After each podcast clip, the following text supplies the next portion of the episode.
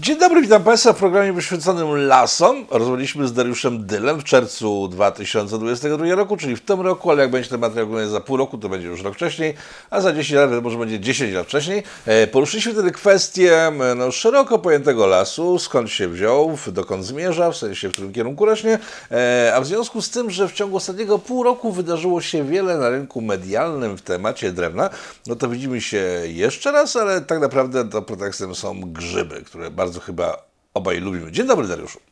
Cześć, cześć. Dzień dobry, dzień dobry, wiewiórki i bobry. Jak dwa stare grzyby o grzybach pogadają, to już w ogóle będzie fajnie, nie? Po pierwsze, e, gratuluję, że masz piątkę z przodu, półwiecza i, i No wszystkiego najlepszego. Dziękuję. Znaczy, łączy Znaczy, się w, to nie moja, łączy to nie się moja w zasługa w ogóle, tak? Ja wiem, no łączy się w bólu, bo tak samo, nie? Ja w ogóle jestem w szoku, jak to się okazuje, że moje dziecko jest w moim wieku. To jest dla mnie niepojęte i nie mogę tego zrozumieć. Jakim cudem? No bo ja się cały czas czuję na 20 lat, a moja córa też ma A, 20 okej. lat. A nie, bo wiesz, wie i lat mamy tyle, na ile się czujemy. Tak jak ja byłem w liceum, to miałem paru kolegów w klasie w liceum, którzy już wtedy byli emerytami. Mm, No to po prostu to, to siedzi w głowie. Ale nie, nie mówmy o tym, bo to, bo to nie ma znaczenia kompletnego, ile, ile, ile kto ma lat. Ważne, jak, ważne po prostu co robi, jak się czuje i czy, czy, czy się zdaje mu, udaje mu się uczyć czegokolwiek, bo to jest chyba taka postawa, nie, że po prostu żyjemy tak długo, aż jak się czegoś uczymy nowego. A jak Dokładnie. się przestajemy czegokolwiek uczyć, to wtedy to, to, to można się zastrzelić na miejscu. Aczkolwiek dzisiaj naczelnik państwa powiedział, że broni w polskich domach nie będzie, bo wtedy się Polacy pozabijają. E, nie wiem, co na tym myśliwi. Masz jakiś kontakt z myśliwymi? E, Mam często. No, myśliwi, myśliwego w lesie spotkać wcale nie trudno. E, Myśliwych jest może niedużo, bo w Polsce jest chyba 100 tysięcy myśliwych, to wcale nie jest dużo na, na 37 milionów ludzi. I jako Polska uważam, że nie jest dużo broni w Polsce. E, To jest temat też szeroki o dostępności do broni i e, czy ona powinna być, czy nie. No na pewno nie powinna być tak dostępna jak w Niemczech, że można sobie kupić w supermarkecie, bo powinno to być jakieś obostrzenia i ludzie, którzy mają dostęp do broni, powinni przechodzić badania. E, Ale żeby tak zupełnie rozbroić społeczeństwo, no to też nie, nie jestem. Ja jestem w ogóle przeciwny skrajności. No okej, a co w Niemczech można sobie kupić bez pozwolenia broń w supermarkecie? No nie, w Stanach, tak jak mówię, w Walmarcie. Nie? A, w Tak- Stanach, okej, No, okej. no, Myślałem, tak że mówię o tym, o, o, Nie, nie, o nie. Niemczech, tak Nie rozumiem. mówię o Stanach, bo tam już jest, no moim zdaniem, tam już jest przegięcie w drugą stronę, nie? E, I, I chociaż no, oni uważają, że to jest dostęp do wolności. Mówię, o broni można gadać długo. Ja e, z racji tego, że no, Państwo no, dość miło przyjęli ten pierwszy odcinek i sporo fajnych komentarzy tam było i dużo, dużo ciekawostek. Ja chciałbym się odnieść do tego, że tutaj taka była burza u mnie w firmie, kto ma wystąpić, nie? I tutaj dostąpić tego zaszczytu, żeby u Ciebie wystąpić, więc stwierdziliśmy, że wyślemy jakiegoś najprzystojniejszego leśnika, ale ta osoba odmówiła. No. Potem wybór parł na taką elokwentną, to też odmówiła i potem padł wybór na najskromniejszą e, osobę, jedną z najskromniejszych, a ja sobie wcześniej pomyślałem, że skoro wcześniej odmówiłem, to trzeci raz nie wypada i no i jestem, jestem z powrotem. rozumiem. Jestem z... jakaś bitwa, bitwa, dostęp do wizji w, w, w polityko była? No weź. No to, Nie, żartuję sobie w sensie takim, że, Uf. że ja, ja, ja lubię e, mówić o lesie, bo to jest moja pasja. I tutaj też się odnoszę do jednego komentarza. Nie mam w ogóle żadnych tradycji leśnej, i nikt z mojej rodziny leśnikiem wcześniej nie był. Po prostu e, trafiłem do tego zawodu. Pochodzę z bardzo małej miejscowości, jak większość Polaków zresztą.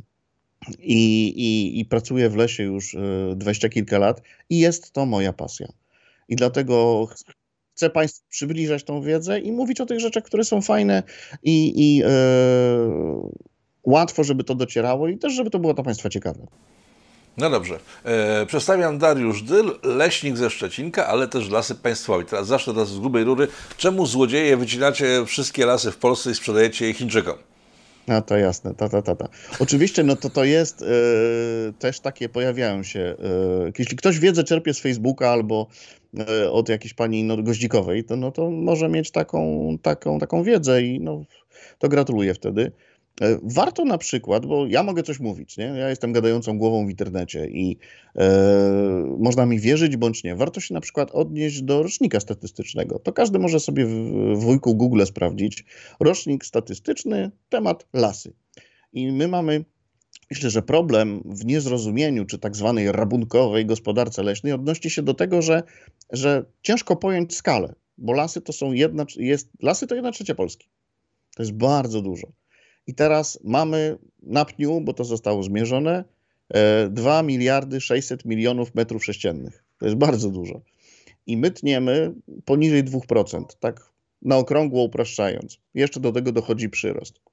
Czyli naprawdę staramy się wyciągnąć, dać drewno do przemysłu i cały czas mieć zapas, żeby mieć coś dla przyszłych pokoleń. Oczywiście jak ktoś pójdzie do lasu, gdzie tam, gdzie zawsze chodził na grzyby i my powoli do tego tematu z grzybami dojdziemy, bo to nasz sport narodowy, a pogoda jest taka, że grzyby jeszcze są w lesie. Ja naprawdę jeszcze w zeszłym tygodniu byłem i naprawdę pozbierałem i chcę wam dzisiaj zostawić parę protipów o grzybach, ale najpierw pogadamy o drewnie.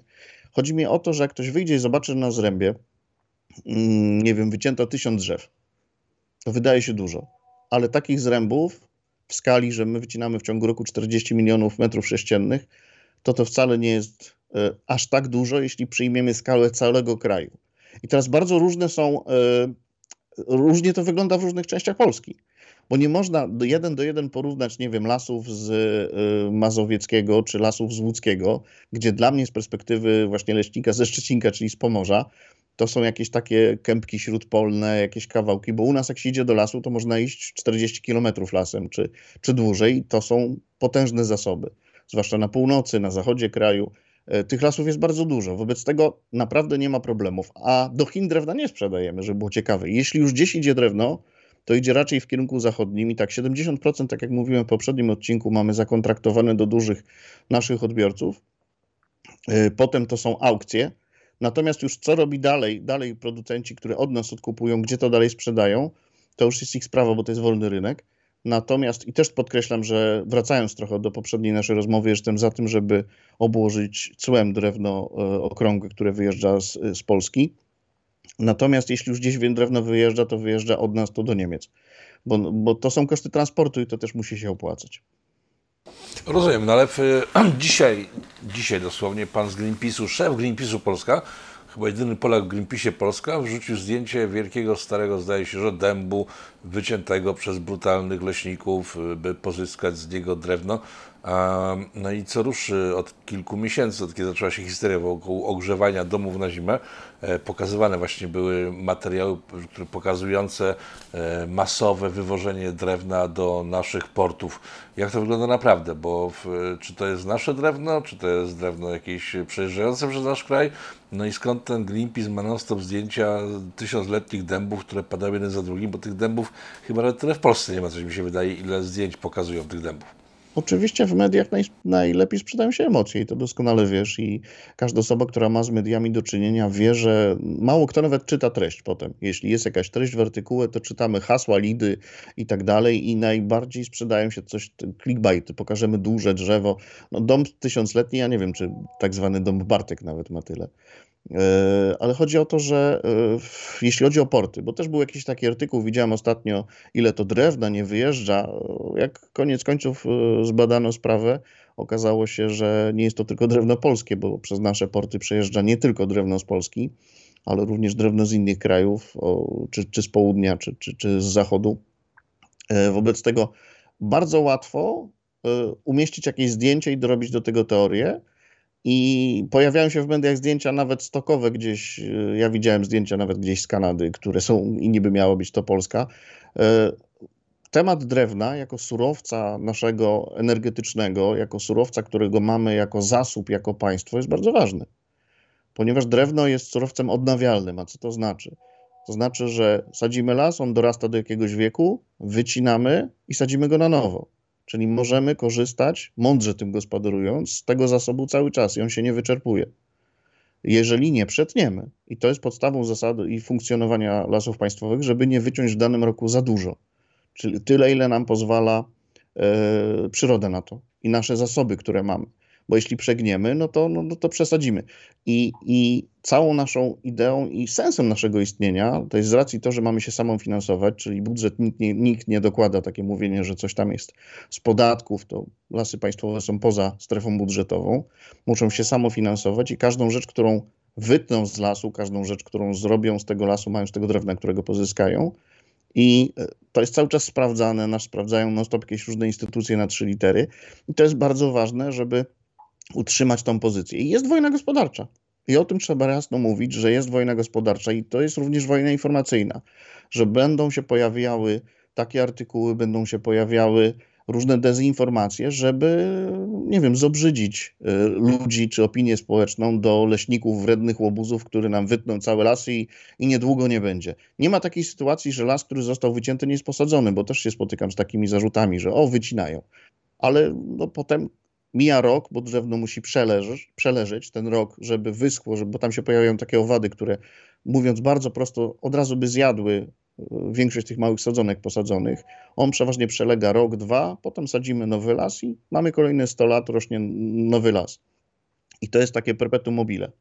Czyli sytuacji takiej, że ktoś wycina las rabunkowo, nie dopuszczamy, bo jest prawo tego pilnujące. Faktycznie są specjalne jakieś oddziały leśnicze, które pilnują tego, czy rozsądek leśników wystarcza, żeby zapobiec sytuacji, w której ktoś masowo wycina drewno na jakieś no, mało szczytne cele. Powiem szczerze, że pamiętam sytuację lat 90., to akurat pieniny, kiedy miejscowi leśnicy byli dogadani z jednym z miejscowych gospodarzy i faktycznie cieli mu na umór drewna na potrzeby jego fabryczki, płotów, które jechały do Niemiec.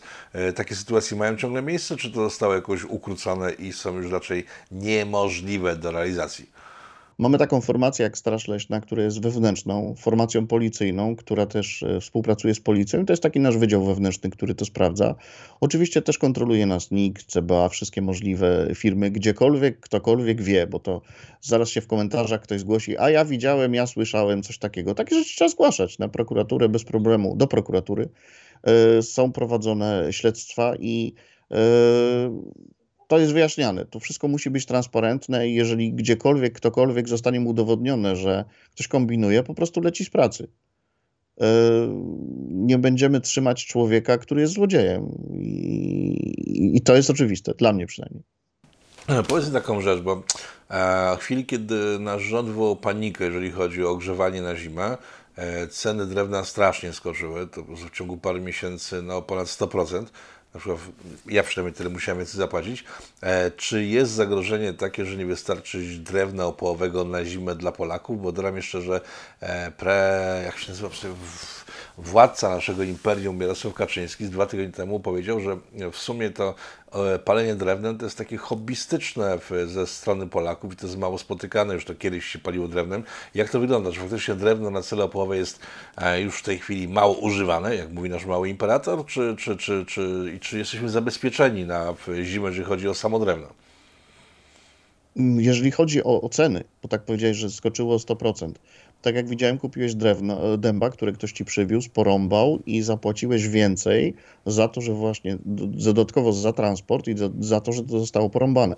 Tak jak tłumaczyliśmy... Nie do końca tak, bo jak zamawiałem w czerwcu, to była suma o wiele niższa, łącznie z transportem i z pocięciem. Także to jest to, to samo drewno, tylko że zamiast w czerwcu dojechało do mnie w, z końcem października, no parę miesięcy później i podrożało 100% w tym czasie. Mhm. Ale Natomiast nasz, większość. nasz cennik nie podrożał, więc jeśli pośrednicy, którzy y, dodają i wykorzystują, że tak powiem, no, no sanie i to, że mamy o wiele więcej ludzi, którzy chcą tego drewna niż było wcześniej, bo jaka była sytuacja wcześniej? Coraz mniej ludzi, patrząc do tyłu, chciało to drewno kupować. W naszym regionie doszło do tego, że kiedyś, no jeszcze 20 lat temu, jak wycięto z rąb, wyjechało drewno na dyski, wyjechało drewno na papier, to potem te odpady, które zostały, nie mieliśmy problemu z tym, że ktoś chciał to posprzątać.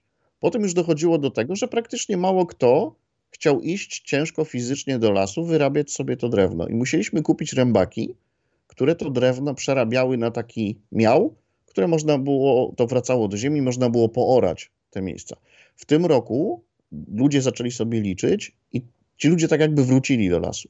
Sporo ludzi po prostu wróciło po to drewno, po prostu przeliczając sobie, ile kosztują inne, e, inne e, środki opołowe. I teraz powiem szczerze, różnia jest sytuacja w różnej części Polski. Tam, gdzie jest duża lesistość, tego drewna nie zabraknie.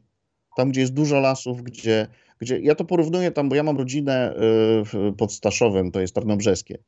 I nieraz sobie żartujemy, że jakby oni weszli do naszego lasu i zobaczyli, ile według nich się marnuje tak drewna, nie? ile tu gnije, leży i zostaje, to by się za głowę złapali, ponieważ w terenie, tam gdzie jest duża gęstość zaludnienia, to tam praktycznie gałęzie są wyzbierane. Nie? Natomiast jeśli idzie się gdzieś na północy do lasu, to czasami leżą całe drzewa i, i sobie wracają spokojnie do, do natury i tego tego się nie, nie, nie pozyskuje. Więc też zależy, bo zaraz mi ktoś zarzuci, że ja powiem, że do końca nie jest, na dzisiaj jeszcze nie jest, nie jest jakaś sytuacja totalnie podbramkowa, nie? Rozumiem, czyli reasumując, kłopotów z drewnem raczej nie będzie.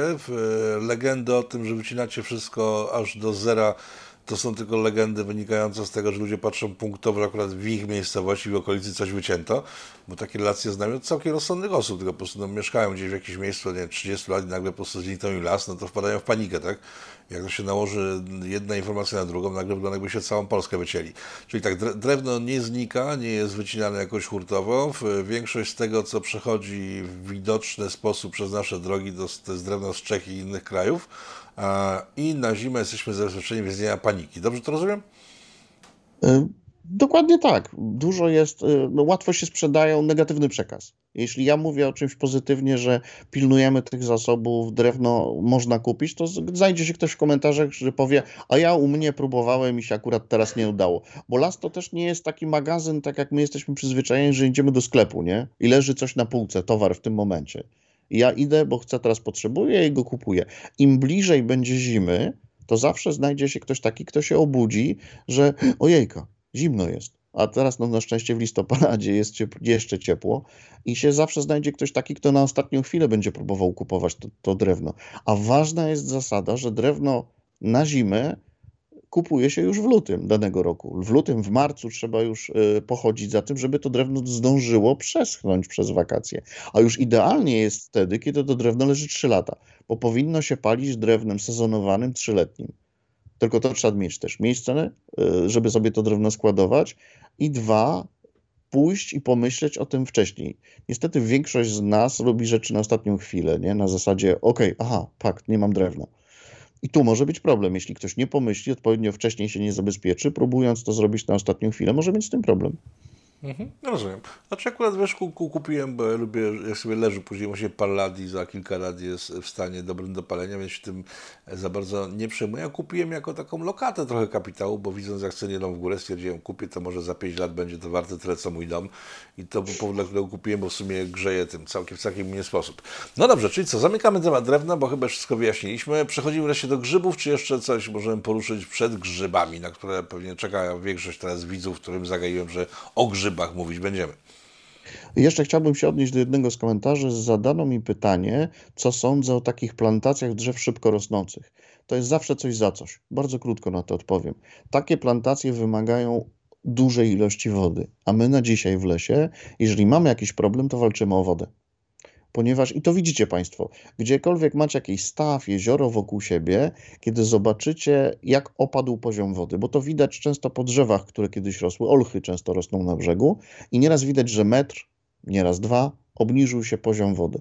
Dlatego często, gęsto, jak widzicie, że świerki macie jakieś w okolicy, świerk jest takim drzewem pierwszym, który reaguje na gwałtowny, yy, dla drzewa gwałtowny oczywiście, spadek e, poziomu wody, ponieważ świerk ma płaski system korzeniowy. Sosna, brzoza mają taki korzeń głęboko w ziemię, to się nazywa korzeń palowy i on i, i tak nie cierpi na skokach e, poziomu wody. Natomiast takie drzewo jak świerk, które ma płaski system korzeniowy, bardzo często okazuje się, że schnie. I nagle widzimy e, uschłe drzewa, do tego dochodzi kornik i, i mamy problem. My dzisiaj walczymy o wodę, czyli staramy się zatrzymać wodę w lesie. Budujemy jakieś zastawki, to się cały program retencji nazywa, czyli e, nie do końca znaczy fajnie jest mieć szybko drewno, jak, jak rośnie sobie na takiej plantacji, natomiast są takie gatunki, które bardzo dużo wyciągają wody. To dla mnie jest minusem. Ja akurat jestem zwolennikiem naturalnych, tych gatunków, które u nas były od zawsze. Wprowadzenie obcych gatunków zawsze ma, ma duże ryzyko. Tak zrobiono kiedyś, y, wprowadzałem czeremchę, to jest taki krzew właściwie, bo on bardzo i kwitnie, i bardzo fajne owoce dla ptaków. Miało to wzbogacić, ale on się u nas e, bardzo mocno rozrósł i e, często gęsto bywa problemem, jeśli chodzi o, o to, że bardzo intensywnie się rozwija, a nie jest naszym gatunkiem. Rozumiem. To skoro przy sadzeniu czegoś na potrzeby szybkości i tego, żeby nam było sympatycznie, przechodzimy wreszcie do grzybów. To jest pierwsze pytanie, które uzyskałem się telefonicznie od jednego ze znajomych, który spytał, e, co z grzybami przydomowymi? Bo się bardzo popularne zrobiło sadzenie grzybni w ogrodach, żeby to ładnie wyglądało, ewentualnie wciachać jakiegoś grzyba raz na jakiś czas e, własnego. E, to jest popularne? Słyszałeś o tym? Jak to działa i czy jest to fajny pomysł na zagrzybianie grzybami grzybowymi naszej małej ojczyzny. No, grzybobranie to jest nasz sport narodowy. Od, od, tym, od tego trzeba zacząć i my możemy się cieszyć też taką, takim faktem, że nie ma limitów na grzyby. Bo w krajach Europy Zachodniej y, są limity i można dostać całkiem spory mandat, jak się na przykład przekroczy tam 2 kilo. Nie? U nas kwestia zbioru runa jest wolna i to warto o tym mówić że nie wszędzie na świecie tak jest. Dla nas to się wydaje oczywiste. Idę sobie do lasu, zbieram sobie jagody, grzyby, ile chcę, skolko godno, nie? Mamy takie zdjęcia, które obiegają internet, że tam cały bagażnik grzybów pozbierał 500 prawdziwków i, i się cieszy. I spoko, nie ma sprawy. Tylko chciałbym zacząć od jednej rzeczy i też odpowiem właśnie o tych grzybniach przydomowych, ale jest taka znana sentencja, że przez złą interpretację trzech ksiąg bardzo wiele ludzi poniosło karę ostateczną. I mam tu na myśli Biblię, Koran, Koran i Atlas Grzybów. I tutaj chodzi mi o to, że nie wolno zbierać grzybów, których nie znamy, ponieważ wątroba się bardzo źle przyjmuje. E, I ja tu mówię to trochę żartem, ale to są bardzo poważne sprawy. Wobec tego, jeżeli na przykład kupujemy i chcielibyśmy, żeby u nas rosły jakieś grzyby, musimy mieć to sprawdzone. Na pewno nie kupujmy gdzieś tam w internecie, bo y, albo od sąsiada, albo tam ktoś nam polecił. Y, gatunki, jest wiele gatunków bardzo podobnych do grzybów jadalnych i można się zatruć, a, a to są poważne sprawy. Oczywiście grzyby powinny kojarzyć się z przyjemnością, z wyjściem do lasu, ze spacerem, z, z, jakimiś fajnymi rzeczami, ale tak jak na przykład puścisz dziecko na grzyby, nie wiem czy byłeś kiedyś z, z dziećmi, to dzieci zbierają grzyby jakie? Najładniejsze. Nie takie, które są jadalne, tylko ładne. To ten czerwony z kropkami, ten zielony, a ten taki. I właśnie chodzi też o to, że nie, że zabraniamy zbiera, zbierać grzybów z kropkami, nie dlatego, żeby nie tropić smoków w kuchni, ale dlatego, że po prostu no to jest za duże ryzyko. Dla mnie wyjście na grzyby jest sportem rodzinnym. Mnie tato uczył zbierać grzybów. Tato nie był leśnikiem, uczył mnie zbierać grzyby i można mieć czarny pas w byciu mamą i tatą, kiedy się takie dziecko zachęca do wyjścia, wyciąga się z domu, od tej komury, od ekranu, od patrzenia w ekran cały czas. Zobacz, tu są drzewa, tu są jakieś zwierzątka, tu, tu mamy te grzyby, zbierzemy sobie razem i najemy się fajnych rzeczy. Ale jest dużo grzybów, bardzo podobnych, ale yy, bardzo trujących. Ludzie mylą często na przykład kanie z e, muchomorem sromotnikowym, który jest grzybem bardzo trującym i e, zamiast jakiejś radości, no kończy się potem to szpitalem i tak dalej. Dlatego tu powinniśmy bardzo uważać. Ja pierwsze co powiem o grzybach, to będę zachęcał, wyciągnął ludzi do lasu, ale z drugiej strony będę przestrzegał przed zbieraniem grzybów, których nie znamy nie jesteśmy pewni na 100%. I także zasiewaniem takich grzybów, czy, czy, czy implantowaniem sobie grzybni gdzieś właśnie w przydomowych yy, ogródkach. Rozumiem, że sama ta z grzybów jest wystarczający, czy raczej nie i należy opierać się o wiedzę uzyskanej od żywych ludzi, którzy palcem pokażą, zobacz, to jest to, co jest zdrowe i bezpieczne, a to raczej tego nie ruszaj, gdyż możesz się przekręcić. Aczkolwiek powiem szczerze, jak byłem dzieciakiem, to ja słyszałem non-stop w okresach grzybobrań, że ktoś tam się przekręcił, właśnie umarł pozyceniu grzybów, a tego od dawna nie słyszałem. To jest, nie wiem, zostały ukryte te informacje, czy po prostu ludzie się już nauczyli rozróżniać e, grzyby między sobą, żeby się nie zagrzybić na śmierć? Mnóstwo jest informacji na ten temat. Od książek w ogóle też internet robi robotę. Bo na YouTubie, jeśli chcemy sobie e, zobaczyć jakiś filmik, mnóstwo jest porównań, zdjęć. Oczywiście one są różnej jakości. Naprawdę kanały o grzybach e, robią furorę też na YouTube. Na YouTube ale y, ja sam się ostatnio przekonałem, że e, na przykład kanie. E, kanie zbieramy i, i w samych kaniach tylko czubajka kania jest takim grzybem jadalnym i bardzo fajnym, natomiast jest czubajka czerwieniejąca czy czubajnik ponury, mówię tylko o polskich nazwach, gdzie one może nie są niejadalne, takie trujące w sensie, ale no, też nie są do końca jadalne. I rozróżnić to warto na porównaniu. Oczywiście idziemy z osobą zaufaną jeżeli, y, bo teraz powiem na własnym przykładzie, ja na przykład nie zbieram siedzunia sosnowego. To ludzie mówią na to kozia broda. Nie wiem, czy kiedyś widziałeś takiego grzyba. To wygląda jak taka po, pocięta e, kapusta. Taki jest grzyb, który bardzo wielu ludzi uwielbia, lubi jego, ale ja go na przykład nie zbieram. E, pomijając też fakt, że wielu ludzi jeszcze myśli, że on jest chroniony, ale od 2014 już nie jest można go zbierać. E, ale y, też wielu ludzi słyszało o rydzach. Mówią, rydz, fajny grzyb, ale ja nigdy nie widziałem. I na przykład bardzo prosta rzecz. Jest rydz i wełnianka. Są dwa grzyby bardzo podobne. Tylko rydz ma takie pomarańczowe mleczko Natomiast wełnianka ma biały taki sok i wystarczy przycisnąć e, trzon grzyba czy kawałek kapelusza i rozróżniamy, czym się różni na przykład taki ryc od, od wełnianki. Ale to trzeba wiedzieć, kto, ktoś ci musi pokazać. Oczywiście też mamy możliwość w sanepidzie zbadania, jak już chcemy, też, też, też, też taka możliwość istnieje, ale warto zbierać grzyby z ludźmi doświadczonymi. Najlepsi są nasi rodzice. Dlatego ja też nieraz mam takie wątpliwości, bo wiele ludzi gdzieś sprzedaje grzyby, stoi przy drodze, czy mamy na rynku jakieś grzyby. Może skupmy się na, na przykład, jeśli znamy prawdziwki, wiemy jak prawdziwki wyglądają, to poprzestańmy na prawdziwkach. Jeśli wiemy jak wyglądają podgrzybki, czyli takie grzyby, które najczęściej zbieramy, to pozostańmy na tych grzybach. Jeżeli e, potrafimy odróżnić rydza, no to spokojnie, nie? Czekanie. E, najbezpieczniej są tak zwane grzyby gąbkowe, czyli takie, które mają tą taką gąbeczkę na, na dole, a nie blaszki. Już z blaszkowymi to jest wyższa szkoła jazdy. Ale warto porównywać, warto sobie oglądać takie rzeczy i e, w ten sposób tylko zbierać grzyby, które, do których mamy zaufanie. Nie? Ale co, wszystkie rurkowce są bezpieczne i zdrowe, czy rurkowce też potrafią zaskoczyć i ukatrupić e, zbieracza? No jest na przykład taki grzyb, który się nazywa borowikiem szatańskim. I, no i on też jest, e, tylko on jest taki no, mocno czerwony.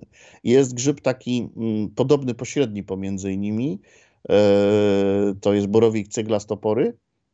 Ale mówię, jeśli ja nie wiem, to po prostu nie zbierajmy. Jeżeli, nie wiem, idziemy, idziemy z dziećmi i te dzieci nam nazbierają różnych rzeczy do tego koszyka, to po prostu nie, takich grzybów nie zbierajmy.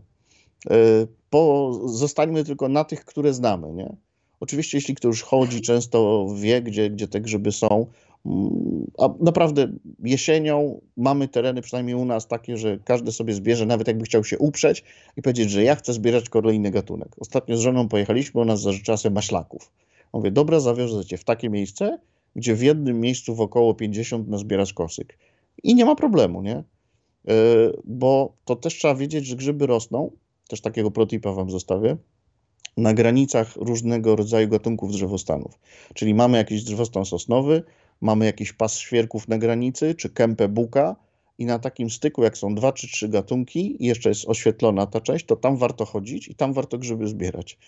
Bo często na przykład pierwszy rząd na uprawie, albo taki pas przy granicy pomiędzy dwoma różnymi lasami, to ta, i przy drogach. To też jest miejsce takie, że właśnie przy drogach e, te grzyby są i warto chodzić, bo to jest tak, spacer, e, wyjście z domu, e, wyjście razem i co jeszcze powiem, no trzeba się też e, konkretnie ubrać no bo też nie krótkie spodenki.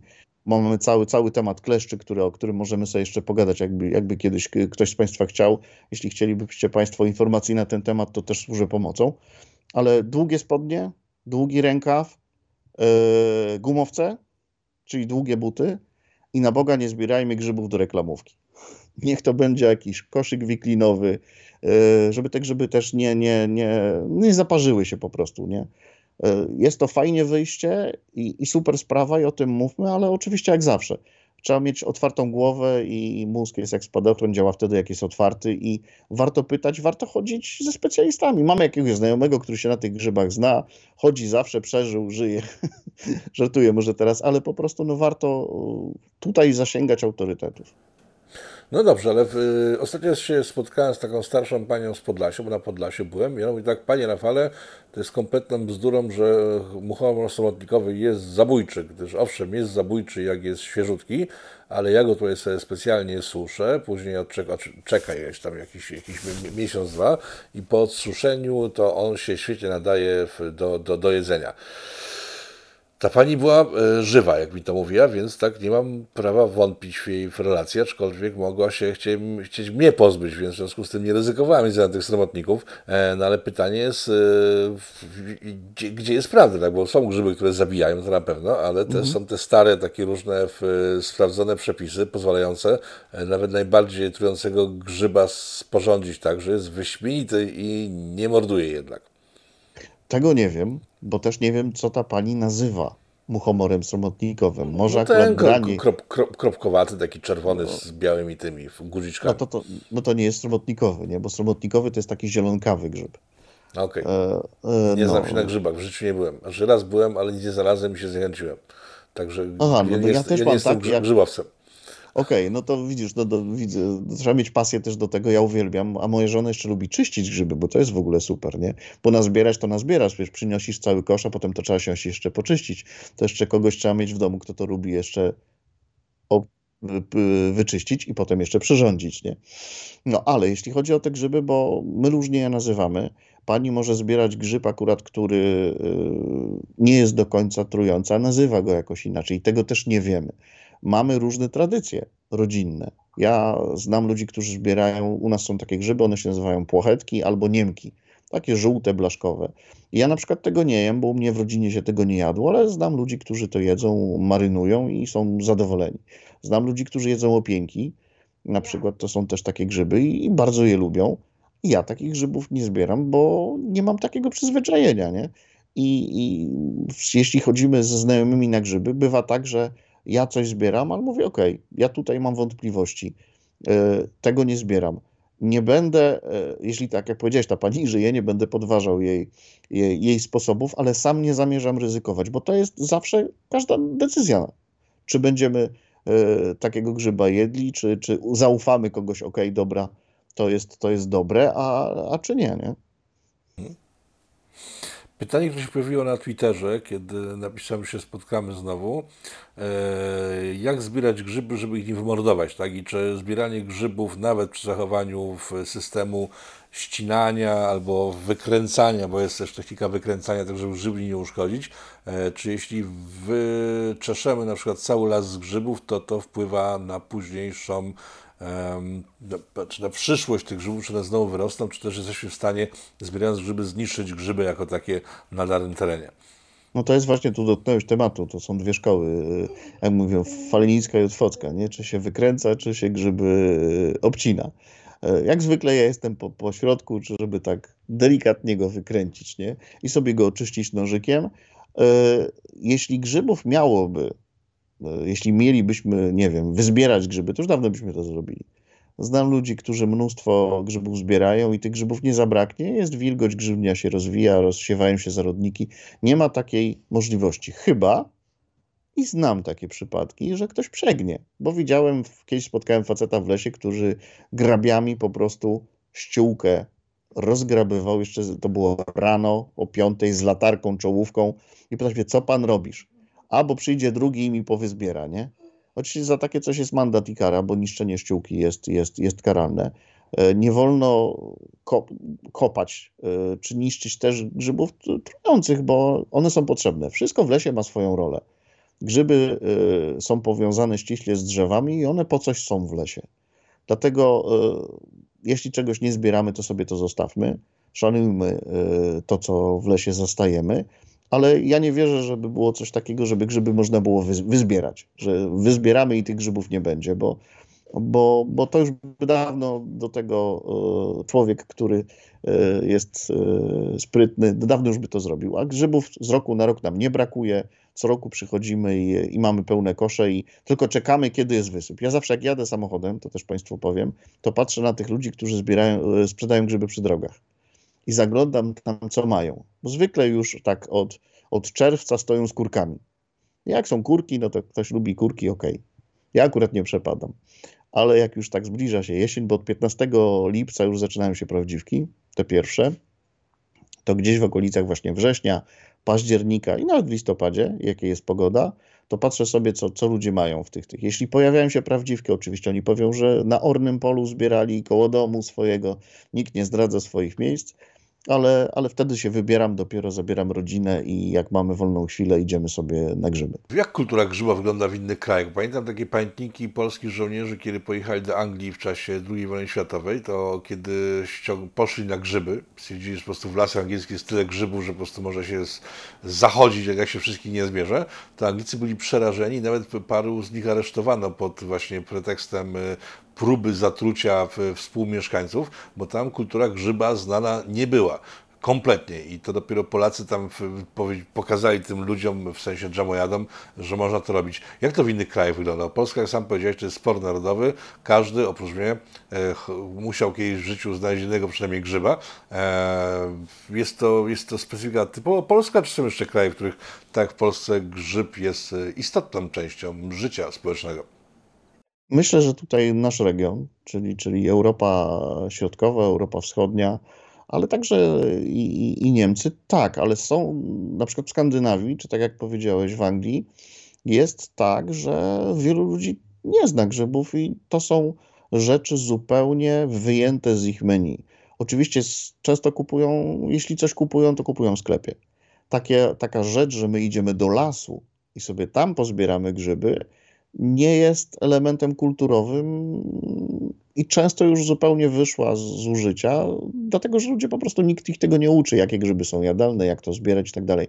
Nasz ten sport narodowy jest przekazywany z ojca na syna, przez matki na córkę i jest to yy, taki element kultury też. Natomiast ja często widzę, że te nasze grzyby też są przecież e, zbierane, suszone i one wyjeżdżają i kosztują totalne pieniądze, jakieś kosmiczne pieniądze w, w różnych miejscach, e, w marketach na zachodzie. Natomiast samo to, że my idziemy do lasu i zbieramy grzyby, to jest taka nasza jakaś lokalna społeczność, e, specjalność mam wrażenie. No dobrze. A czy grzyby to jest jedno i to jest tak, jest że ciągle sezon, chociaż jak zarzuciłem temat na Twitterze, zostałem zrugany, że sezon się już dawno skończył. E, jak długo trwa sezon grzybiarski w, w Polsce? Generalnie jest to wrzesień i październik. Nie? To są dwa takie miesiące, że, że, że tych grzybów jest najwięcej. Listopad to zależy od pogody. No, jak byliśmy mali, to pamiętasz, że jak się jechało 1 listopada już na, na groby, to często jechało się już na sankach i był mróz minus 20 stopni. Jeśli ktoś jeszcze tak pamięta, no to tak dzisiaj do końca grudnia zdarzają się takie lata, że spokojnie grzyby można zbierać. Nie? One, kiedy już przychodzą przymrozki i te grzyby są przemrożone, to znaczy, że po prostu sezon się kończy, bo e, już takie przemrożone grzyby, no to to już nie jest to. Póki jeszcze nie mamy fali przymrozków, grzyby można spokojnie zbierać i to bym jeszcze twierdził, że sezon jest, ale my sobie o grzybach rozmawiamy w internecie, to co nagramy zostanie i każdy będzie mógł sobie wrócić i w przyszłym roku, jeżeli rozpocznie się sezon grzybowy, a chciałby coś o grzybach się dowiedzieć, to sobie posłucha tego programu i wyciągnie swoje wnioski. Ja jeszcze jedną rzecz powiem a propos już grzybów, ponieważ e, nie ma tygodnia, jak przychodzi jesień, żeby w nadleśnictwach nie było akcji poszukiwania grzybiarzy w lesie. Bo ludzie, owszem, idą sobie do tego lasu, ale potem nagle nie wiedzą, gdzie są. Szczególnie właśnie na północy kraju czy na zachodzie, gdzie mamy te kompleksy leśne duże, bardzo często zdarza się, że mamy akcję poszukiwawczą. I teraz pierwsza rzecz, jak idziemy do lasu, to trzeba komuś powiedzieć, że idziemy do lasu.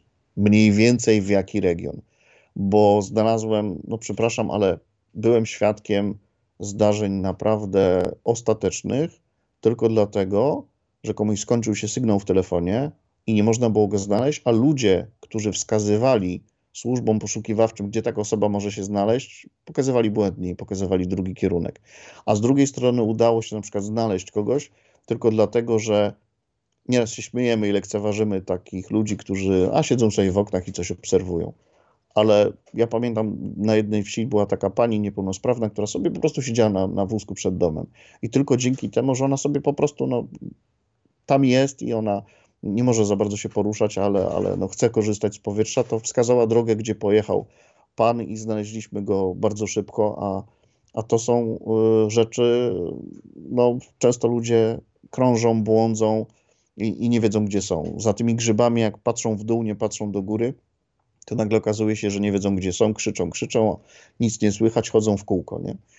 Y, zawsze, jeżeli y, pierwsza rzecz to tak, telefon, warto mieć zapasową baterię albo powerbanka. To jest też, jak już idziemy do lasu, to warto, warto to, to wiedzieć i pamiętać. Jak szukajmy, pierwsze co, jak się zgubimy, to moja rada jest taka: stańmy i nasłuchujmy. Może gdzieś usłyszymy jakieś maszyny pracujące, gdzieś może w oddali pociąg będzie przejeżdżał, e, gdzieś idźmy do jakiegoś dźwięku, który nas naprowadzi. Drugi, druga taka zasada to jest droga droga zawsze gdzieś prowadzi, szczególnie taka ujeżdżona droga, nie? E, próbujmy wyjść jakąś drogą i, i, i iść w jednym kierunku. Natomiast jeśli mamy telefon i możemy zadzwonić czy na 112, czy gdzieś operator nas już potem pokieruje, to szukajmy z takich charakterystycznych miejsc. Na przykład rzeczą ciekawą są słupki oddziałowe. Las jest podzielony na oddziały, na takie kwadraty, trapezy e, i w północnym, yy, północno-wschodnim rogu jest słupek oddziałowy, to jest taki betonowy słupek z czterema cyframi. I jeżeli podamy te cztery cyfry ludziom, którzy mają nas namierzyć, to znajdą nas od razu, bo te y, numeracja się nie powtarza. I jeszcze ciekawostka, róg pomiędzy najmniejszymi cyframi wskazuje północ albo północny wschód, bo numeracja jest od góry. I tak idzie oddziałami. I to jest nie mech na drzewach, który rośnie od północnej strony, to nie. No, ale, ale rzeczywiście. Druga kolejna rzecz, takie numeracje, na przykład jak znajdziemy stos drewna i tam mamy taką plakietkę. Y, są dwa, dwa numery na takiej plakietce. Na górze jest y, konkretny numer porządkowy, a niżej jest sześciocyfrowy numer. Pierwsze dwie cyfry to jest nazwa dyrekcji y, regionalnej, drugie dwie cyfry to jest nazwa nadleśnictwa, a ostatnie dwie cyfry to jest konkretny leśniczy. Czyli jeśli do tego leśnictwa się dodzwoni policja czy, czy służby, on znajdzie to miejsce od razu. Czy mamy jakieś oznaczenie na płocie, czy jakąś tablicę, czy ścieżkę rowerową. Szukajmy takich konkretnych znaków. Jeżeli mamy sygnał i gdzieś dojdziemy, gdzie ten sygnał złapiemy, nie? to wtedy podawajmy takie miejsca, gdzie mogą nas ludzie wtedy, czy te służby, które szukają, mogą nas znaleźć. Nie? I też mam taki konkretny przypadek, jeżeli osoba się zgubi, to do rodziny największa prośba, żeby nie dzwoniła do tej osoby. Bo owszem, mamy taki sprzęt, który namierza po BTS-ie, po, po, gdzie ta osoba się znajduje, ale nie wolno do niej dzwonić, bo jak się dzwoni, martwimy się, wydzwonimy jej telefon, to się sygnał skończy i niestety jest ogromny problem wtedy taką osobę znaleźć. Mhm. A czy warto też chyba jakąś mapę się zaopatrzyć, bo jak ja z kolei bo ja lubię jeździć. Znaczy ja wiem, po naszym ostatnim spotkaniu nie powinienem już tego lubić robić, ale jednak lubię jeździć po lasach, tak, samochodem. E, jak się wjeżdża na przykład na Podlasiu w takie zastępy leśne, no to błyskawicznie zasięg znika i przez długie kilometry go nie ma. W związku z tym o tym też warto pamiętać, że są lasy, w których nie ma telefonii komórkowej, w związku z tym warto się jakąś mapę zaopatrzyć przed udaniem się do lasu. Dobrze myślę, czy, czy na oko i na ten mech po północnej stronie drzew e, można dojść wreszcie gdzieś do cywilizacji. Nie, no to ten mech to trzeba zapomnieć w ogóle, bo to jest jakaś bajka taka, która, bo mech rośnie sobie różnie, nie tylko od północnej strony, ale zobacz mapę. Kto dzisiaj umie czytać mapy? Myśmy jeszcze mieli przysposobienie obronne. Yy, czy, Gdzie czy, kupić mapę? No, no to, to jest druga sprawa. Yy, myślę, że warto zachęcić też Państwa. Wiele nadleśnic sprzedaje takie, czy rozprowadza przewodniki turystyczne. Mapy, y, gdzie są leśne y, ścieżki rowerowe y, pokazane i także jest taki profil, też zachęcam bardzo, żeby zajrzeć. To się nazywa Czas w las. To jest taki portal, na który możemy sobie zajrzeć i tam mamy na zasadzie pisma obrazkowego punkt widokowy, trasę rowerową, parking leśny i tak dalej. Klikamy sobie na ten obrazek i na mapie nam się pokazują parkingi w okolicy, trasy rowerowe i dojazd z Google oczywiście to jest połączone z mapą, że możemy sobie trasę wyznaczyć, oczywiście tak jak powiedziałeś, jak mamy zasięg.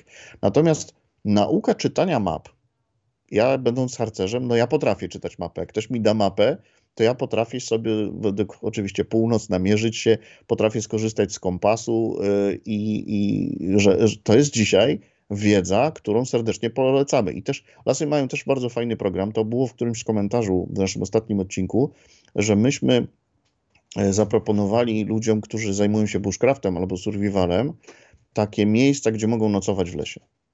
E, I, I też do tego zachęcamy, bo no, cywilizacja, tu dotknęliśmy lekko tematu broni na początku, nie?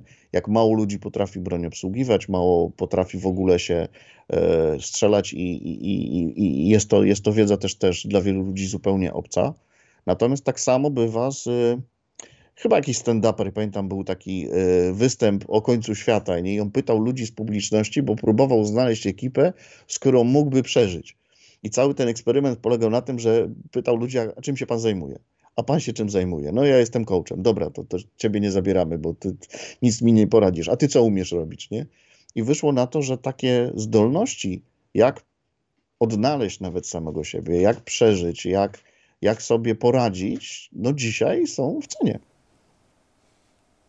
No jest cała, cała ta sieć e, propersów, którzy po prostu się przygotowali już na, na zagładę totalną i w sumie w ostatnie dwa lata spowodują, że chyba coraz mniej osób bierze je niepoważnie, tak, bo na wszelkie sytuacje, które mogą nadejść, ewentualnie już nadeszły w jakiś sposób, są przygotowani, są w stanie w domach swoich przetrwać całe miesiące, no może nie lata, tak, ale są przygotowani, faktycznie potrafią rozpalić ogień, posługiwać się bronią, e, na wypadek ataku zombie oczywiście i tak dalej, i tak dalej, także polecamy osobom, znaczy ja, ja ze swojej strony polecam, nie wiem jak, jakie jest Twoje zdanie, żeby e, uczyć się tak przeżycia bez cywilizacji i niekoniecznie kupując sobie cukierki i notesiki, które będziemy notować swoje ostatnie wspomnienia, tylko że mieć w domu lampy naftowe. To jest ciekawe. Ostatnio znajoma e, pytała, gdzie kupić lampy naftowe, gdyż e, no, mają być niedobory prądu, prąd ma być drogi i wpadła na pomysł taki, że przecież wieczorem nie potrzebuje mieć oświetlenia pełnego w domu, w związku z tym e, szukała lamp naftowych, żeby sobie w, oświetlać domostwo. Wracamy do takich sytuacji, że e, może w tym kierunku pójdźmy. Co potrzebne jest w domu, żeby przeżyć w sytuacji takiego permanentnego wyłączenia e, prądu i zagrożenia zimnem? Bo to tak, lampy naftowe na pewno. Jeżeli macie, to, to nawet w blokach się przydadzą tak naprawdę, bo świeczki są słabe. E, agregat prądotwórczy chyba każdy, kto mieszka poza miastem ma. Czy to nie jest tak znowu e, oczywiste? Nie, jeśli chodzi o agregat, nie. No dzisiaj co? Tak kiedyś ktoś sobie żartował, że dzisiaj jakby terrorysta przyszedł, to po co mu, e, że tak powiem, używać bomby? Wystarczy, że Wi-Fi wyłączy, nie? I, i, I, jest problem. Nie wiem, czy tak masz e, ze swoją pociechą, ale jak ja chcę ze swoją córką pogadać, to muszę router wyłączyć, nie? I wtedy dopiero wychodzi i tata nie ma internetu, nie? I dzisiaj największą tragedią jest właśnie, e, no zabierz dziecku smartfon, nie? Czy, czy, czy, czy, czy tego typu rzeczy. Wobec tego naprawdę czasy, które my pamiętamy jeszcze, i no teraz zaczynam brzmieć jak naprawdę stary dziad, ale e, to, że e, ja pamiętam czasy bez, bez telefonów komórkowych, bez internetu. No, żyli ludzie kiedyś naprawdę i ja wierzę życie, w możliwość życia bez internetu. I nawet to, powiedziałeś, że, że świeczki. No świeczki dzisiaj funkcjonują tylko jako zapachowe jakieś takie, nie? Ale nawet zastanówcie się Państwo, czy macie w domu świeczkę, albo gdzie macie zapałki. Czy już zapałki w ogóle też odeszły? Zapalniczka, no chyba, że ktoś pali, nie? Ale jak ktoś nie pali, to czy ma zapałki? Czy ma, e, czy ma w domu świeczkę? Czy potrafi, jeśli by go tak wywieźć do lasu i czy potrafiłby sobie poradzić, czy będzie tylko siądzie i będzie płakał i będzie czekał na służby, którzy łaskawie mu pomogą? No dzisiaj zdarzają się rzeczy, o których kiedyś byśmy sobie nie pomyśleli. Ostatnie lata nam pokazują, że choćby wojna która puka gdzieś tam do, do naszych wschodnich granic, yy, pokazuje, że to, co uważamy za normę, może się bardzo szybko skończyć. Ja mam u siebie Ukraińców, mam uchodźców, którzy mieszkają yy, u nas i pierwsze, co, co zauważyłem, co po prostu mnie zszokowało, że nawet dzieci, oni wszyscy na równe nogi wsta wstali, jak przejechała straż pożarna. Sam dźwięk syreny, która dla mnie jest normalna. Ja mieszkałem w swoim życiu kiedyś blisko szpitala praktycznie naprzeciwko. Po trzech miesiącach już przestałem słyszeć karetki.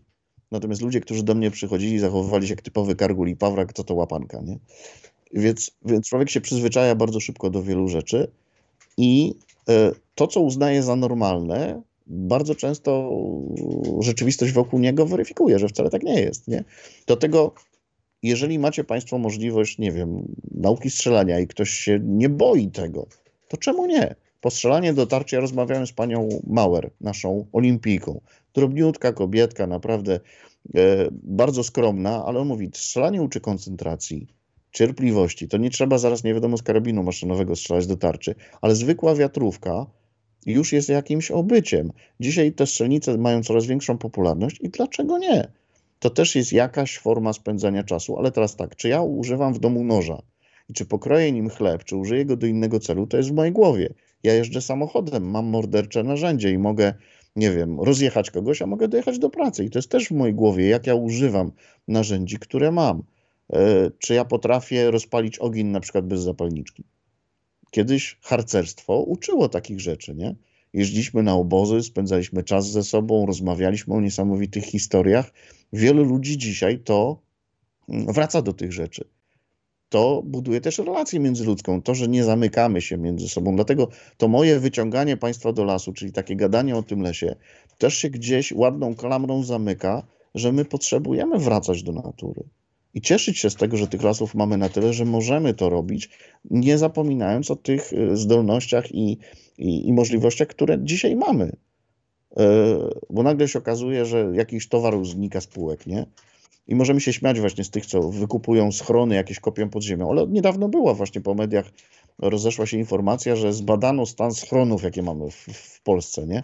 Bo kiedyś no, z czasach latach 50. to był temat na pierwszym miejscu.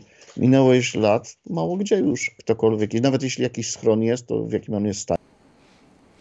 No ja mówiłem o tym w piątkowym Polityko, że się odbyły takie e, właśnie sprawdziane schronów na Podlasiu między innymi. Tam się okazało, że większość tych schronów albo w, ma mieści w sobie jakieś kluby, albo w magazyny, e, a duża część e, się nie nadaje do niczego, bo do jednego z nich weszła właśnie komisja i wszyscy pomdleli, bo się okazało, że deweloper budując nieopodal budynek zniszczył wentylację, która ten schron zapatrywała w powietrze. Także z tym jest różnie. E, aczkolwiek dosłownie wczoraj rozmawiałem z człowiekiem, który właśnie zajmuje się teraz schronami, się okazało, że Straż Pożarna dostała e, schrony pod swoją pieczę. E, no i chodzą po blokach, sprawdzając komórki i na specjalnej mapie zaznaczają, że tutaj są schrony, a to są zwykłe komórki, więc z tymi schronami może być różnie tak naprawdę. Mało tego, ja chyba ze 3-4 lata temu zrobiłem taki krótki program a propos sytuacji w Warszawie. Mieszkałem w centrum i tak chodziłem na spacery i tak patrzę, są tablice takie niebieskie, centrum, w którym spotykają się ludzie w chwilach zagrożenia, tak? takie koncentracyjne centrum, że takie chodniki były. No i zacząłem pytać przechodniów, sąsiadów i tych i gospodyń tych, tych, tych domów różnych, e, co trzeba zrobić i skąd wiedzieć, że to trzeba się w ogóle udać. I no, nikt takiej wiedzy nie miał tak naprawdę. Oprócz tego, że były tablice, że tu jest punkt koncentracyjny, to nikt nie wiedział, że ten punkt koncentracyjny istnieje tak naprawdę. Także e, pół roku wojny minęło, znaczy kolejne pół roku, bo ta wojna trwa 2014 roku, e, no i nasze władze nie wykonały żadnych ruchów, żeby ludzi jakoś przysposobić sytuacji, w której mogą być zagrożeni. Być może tego zagrożenia nie ma i z tego to wynika. Ale wróćmy na chwilę do tego, co trzeba mieć, żeby być wodę na pewno i to też nie można jej wody składować jakoś w nieskończoność, tylko systematycznie wymieniać, bo woda się może zepsuć, tak, w związku z tym warto mieć tą świeżą wodę. I tu ciekawostka, bo to od propersów się dowiedziałem, że było śmieszniej, e, nie warto składować paliwa. Bo jak się okazuje, w chwili, kiedy paliwo kiedyś było paliwem czystym, to faktycznie warto było mieć taką bekę paliwa nalaną, ona mogła stać do e, śmierci e, zakichanej, e, a w tej chwili w związku z tym, że w paliwie są te różne dodatki bio, bio, bio, bio, to one się dezintegrują i takie paliwo, z tego co się dowiedziałem, po roku stania w beczce może uszkodzić nawet najbardziej odporny silnik. Taka ciekawostka. W związku z tym, jeżeli wodę składujemy, to warto ją co jakiś czas wymieniać. Jeżeli paliwo zbieramy, to warto je zużywać po jakimś czasie, nalewać nowego, coraz droższego i tak dalej, i tak dalej. Czyli tak, paliwo, woda, świeczki, lampy naftowe, agregat plodotwórczy, co jeszcze? No konserwy, no wiadomo, stary sposób i one się zawsze przydadzą, nie? E, coś, co jest pakowane właśnie w ten stary sposób. Oczywiście no, dzisiaj e, jakby komuś zaproponować jedzenie konserwowe, to wielu kręci nosem, no ale to jest taki sposób, że to długo postoi, ma długą datę e, sprzedaży i warto gdzieś tam jakiś zapas mieć. Oczywiście też nie chcemy jakiejś paniki tutaj siać, że nie wiadomo co się stanie, ale to jest taka retrospekcja, że ja ostatnio rozmawiałem z jednym z wójtów okolicznych i on mówi tak, przeprowadziliśmy ćwiczenie, nie? E, na temat e, sygnałów. Bo pamiętasz doskonale, że kiedyś było tak, że jedna syrena, długi, e, nie wiem, tam trzyminutowy sygnał oznacza coś, nie? A to stężenie jakieś tam, a to, a to jakiś atak chemiczny, czy coś takiego. Kiedyś to wszyscy wiedzieli. To była wiedza, co dany sygnał oznacza. Dzisiaj jakbyśmy puścili taką syrenę długo, to w Warszawie by się zastanawiali, dlaczego tu jest znowu akcja W. Na przykład, nie? Bo dzisiaj Syrena kojarzy się z jakimś świętem bardziej, z jakimiś obchodami, z manifestacją, z protestami, a nie sygnałem pomiędzy społeczeństwem komunikującymi. Dużo ludzi w ogóle nie jest zorientowanych, że jest coś takiego jak sygnały, nie? jak te syreny. Bo często jak słyszymy syreny, a gdzieś się pali, to strażaki pewnie, strażacy jadą gdzieś, gdzieś coś. To jest znowu kolejny element, gdzie niby rozwijamy się cywilizacyjnie, ale w tym bezpieczeństwie, którym mamy i to, co nam się wydaje, że ten świat będzie jaki, jaki będzie, no to nie jest do końca tak i dlatego puentując szanujmy lasy, które mamy wokoło, bo to jest jakieś miejsce, gdzie, gdzie e, od wieków, że tak powiem, Polacy się chronili przed różnymi najeźdźcami i okupantami i stąd gdzieś się brały wszystkie powstania i ruchy wolnościowe. I, i, i to miejsce, czy natura, którą mamy wokół nas jest, jest, jest po prostu gwarantem tego, że nie zidiociejemy w tej całej betonozie po prostu, i jeżeli mamy możliwość wychodzić, to ruch to jest czymś takim, co nas ratuje. Nie? I czy to są grzyby, czy to są rowery, czy to są spacery, czy cokolwiek, to, to wychodźmy do tego lasu i cieszmy się tą naturą i zadawajmy pytanie. Jeśli Państwo coś widzą w lesie, jesteśmy, a tu widzę kropkę taką, a tu jakiś pasek, a czemu tutaj na przykład na żółto jest jakaś linia przerywana? A zadawajmy takie pytania, czemu nie? My jesteśmy od tego, żeby wszystko jasno i konkretnie tłumaczyć, dlaczego czego jest i wcale się, ja się nie oburzam, jak ktoś mi zadaje pytania, mówi albo, bo, bo ty kłamiesz, bo wcale tak nie jest. Ja mówię, dobra, pogadajmy. Ja mam swoją taką wiedzę, tak to widzę, ty to możesz widzieć inaczej. Dobrze, ale rozmawiajmy, a nie od razu atakujmy się, że tam ja jestem po drugiej stronie barykady i zaraz musimy Ale się to bić. nie widzowie polityko, bo ja po prostu spotykam widzów non-stop, gdzieś tylko się nie ruszę, czy to jest Podlasie, czy, czy Pomorze. To ten program oglądają ludzie, którzy mają po kolei w głowie i nie atakują nikogo po prostu na, na ślepo, także e, to raczej są uwagi do świata zewnętrznego, tego równoległego, który nas otacza. E, wspomniałeś o lesie, kiedyś było takie powiedzenie, jak byłem w podstawówce, w, szanuj lasy i ty możesz zostać partyzantem. E, co nie jest teraz takie do końca głupie, tyle że dzisiejsza wojna partyzancka w lasach nie ma szans, bo drony niestety prześwietlają doskonale te lasy, w związku z tym na duże obozy partyzanckie e, nie ma co liczyć. E, powiem tak, na koniec, ok, bo już ponad godzinę rozmawiamy, w związku z tym ten odcinek będziemy musieli powoli kończyć. Jakieś wakacje ostatnio byłem w, w Lądku Zdroju, w Londynie Zdroju, no i tam wydarzyła się sytuacja taka, że tak z jednej strony przez sekundę tak stwierdziłem, wow, to jest niesamowite i niemożliwe, a po chwili stwierdziłem, ej, to jest bardzo fajne. Wyobraź sobie, że wstaję rano i nie działa właśnie router, w sensie nie ma Wi-Fi, mhm. więc stwierdziłem sobie, pojadę na dół do, do, do lądka, żeby tam się podłączyć pod jakiś internet, a tu się okazało, że była 24-godzinna awaria całego internetu w okolicy, bo ktoś, nie wiem, przeciął kabel chyba, kopiąc, kopiąc jakiś dół. No i tak przez całą dobę nie było internetu, to jest pikuś. Nie było telefonii komórkowej, to jest niezłe. Nie działały wszystkie te czytniki kart w sklepach, bez gotówki nic nie mogłeś kupić e, i bankomaty też nie działały. I to był 24 godziny powrót do takich normalnej sytuacji, kiedy musisz rozmawiać z ludźmi, tak?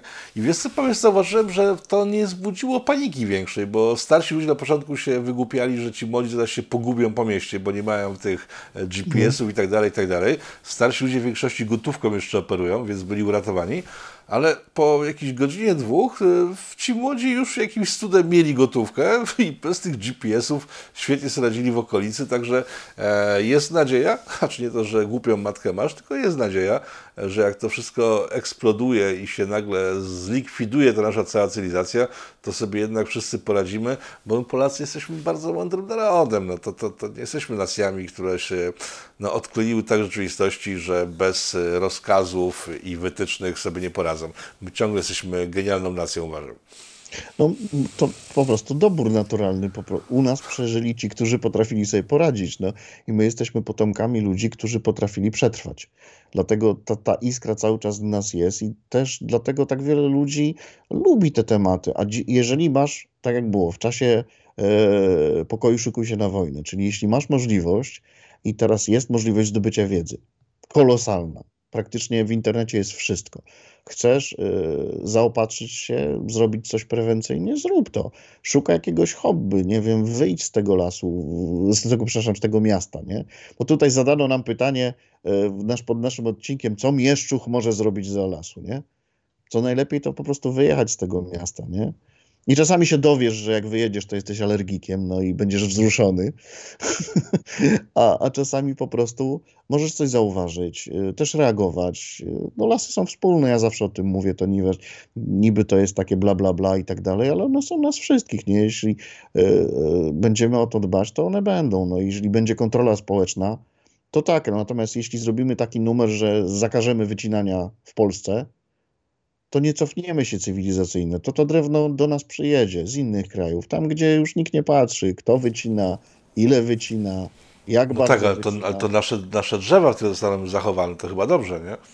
No to będzie fajnie, ale mówię, no drewno potrzebujemy, potrzebujemy papieru. Dzisiaj to niewyobrażalnie, żeby y, nagle gdzieś tam zrezygnować z papieru, z, ze stół, krzes, z mebli, z wielu, wielu y, takich y, rzeczy, z których drewno wykorzystujemy.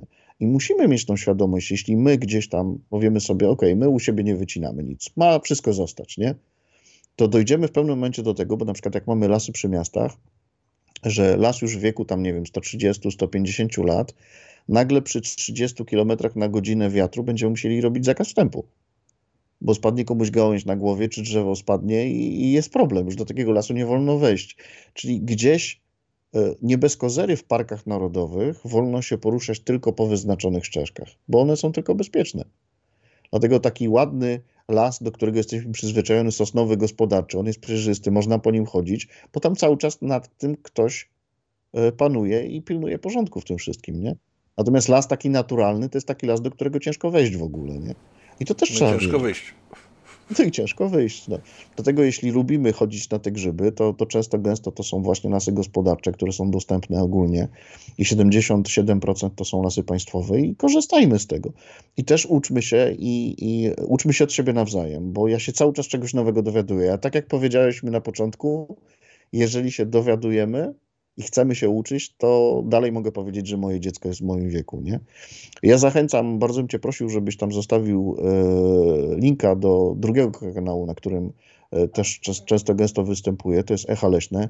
Niesamowite, tam są filmy przyrodnicze, mają po 4 miliony wyświetleń e, z lektorem pani Czubówny, po prostu genialna rzecz, to można sobie pooglądać i, i gdzieś odpłynąć sobie w tym całym wariackim świecie. Ostatnio robiłem też program właśnie tam o zapylaczach. Taka ciekawostka, że nie tylko pszczoły, ale jest 400, 400 gatunków y, pszczołowatych i 2000 zapylaczy. I kto tak naprawdę nam zapyla kwiatki w ogródku? Czy pszczoły, czy ktoś innego? Jakby ktoś chciał się dowiedzieć, to, to mam, mam, mam takiego tipa. Ale też nie tam, nawet i śpiewam tam na tym kanale, także Okej, dużo o- ciekawostek. O zapylaczach, które w pierwszy, którzy w pierwszej chwili się skojarzyli z takim określeniem na mężczyzn, którzy znikają później po zapyleniu, e, zrobimy osobny program. E, zrobimy osobny program. Jeżeli Państwu się spodoba ten drugi odcinek spotkań z lasem, to prosimy o pytania, na które odpowiemy w kolejnym odcinku. E, jeżeli będzie tych pytań sporo, w sensie więcej niż jedno, dwa, to myślę, że na kolejny odcinek będziemy czekali kolejne pół roku, tylko zrobimy e, go wcześniej. E, Dariusz Dyl, leśnik ze, Szcze- leśnik leśnik ze Szczecinka i przedstawiciel lasów państwowych, tych, które wycinają wszystko w pień i już nie ma żadnych lasów w Polsce, był Państwu moim gościem. Dariuszu, bardzo Ci dziękuję. Dziękuję, dziękuję. Jeśli ktoś by chciał sprawdzić, czy to rzeczywiście prawda, niech chociaż nawet dron zabawkowy sobie uniesie do góry, poleci i zobaczy, że lasy mają po horyzont w każdą stronę. Oczywiście można panikować, można wierzyć w różne rzeczy, od latającego potwora spaghetti po inne e, ciekawe rzeczy, a warto być rozsądnym i tacy są widzowie polityko.